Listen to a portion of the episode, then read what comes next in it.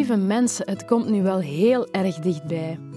Binnen een tiental dagen zal ik de Weenmaar-podcast op jullie loslaten. De podcast die ik hoop dat jullie nog dichter mag brengen bij jullie eigen binnenwereld.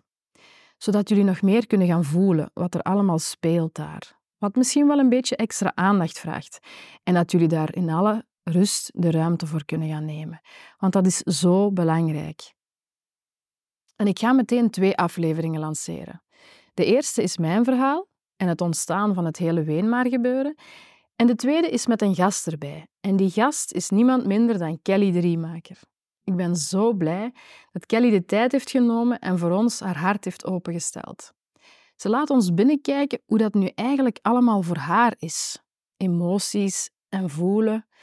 En hoe haar relatie met die emoties en dat voelen en dat wenen veranderd is doorheen de jaren. Met ouder te worden, door kindjes te krijgen en door de moed te hebben om in therapie te gaan. En uitgerekend Kelly, hè, zij die ons elke dag opnieuw leert om om te gaan met dingen die moeilijk zijn.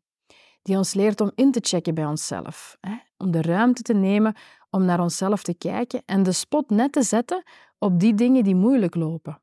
Uitgerekend zij zal de podcast openen. Het is echt de max gewoon. Ik wil jullie alvast een klein beetje laten meegenieten van hoe die aflevering zal zijn, zodat jullie verder kunnen uitkijken en aftellen naar de lancering ervan. En die lancering die volgt op maandag 19 februari. En dat is, heel symbolisch, de dag dat mijn jongste kuiken vol vertrouwen zijn eerste stappen door de schoolpoort zal zetten. Dan beginnen we eraan. Hopelijk kijken jullie er minstens even hard naar uit dan ik. Alle liefs en tot heel snel!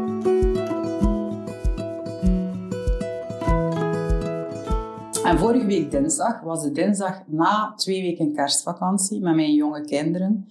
En ik voelde, um, ik journal elke ochtend. Ik schreef elke ochtend, allee, niet altijd ochtends, maar ik schreef minstens elke dag een keer in mijn dagboek.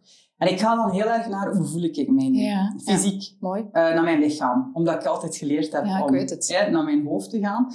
En tijdens het schrijven die ochtend had ik gevoeld, en trouwens de dag ervoor ook al herinner ik mij, van ik, ik stel mij dan de vraag van, hoe is het eigenlijk met u? Ja. What's the matter, love? Is Wat scheelt er? Wat scheelt er? Um, en ik voelde fysiek van, er zit een, een zwaarte op mijn borst. En voor mij is dat heel vaak een teken dat er um, verdriet zit. Mhm. Ik weet dat verdriet zich heel vaak manifesteert als zoiets voelen op mijn borst.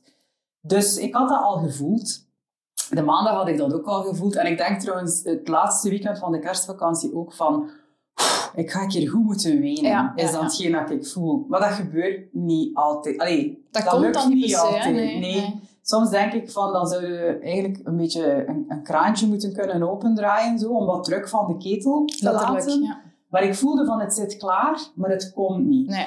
En ik dacht misschien, soms doet er zich dan iets voor, schijnbaar onnozels, dat dan toch het duwke geeft, bijna voor mij, om dan een keer goed te Mhm. wenen, of te overreageren en dan naar wenen te gaan. Maar het kwam niet. En ik had al een paar keer tegen mijn man gezegd, ik zeg dat dan ook van, als hij, als hij thuis komt en hij vraagt hoe is het, zeg ik soms van, ik voel dat ik een keer goed ga moeten wenen, maar het zit daar, maar het komt niet. Nee.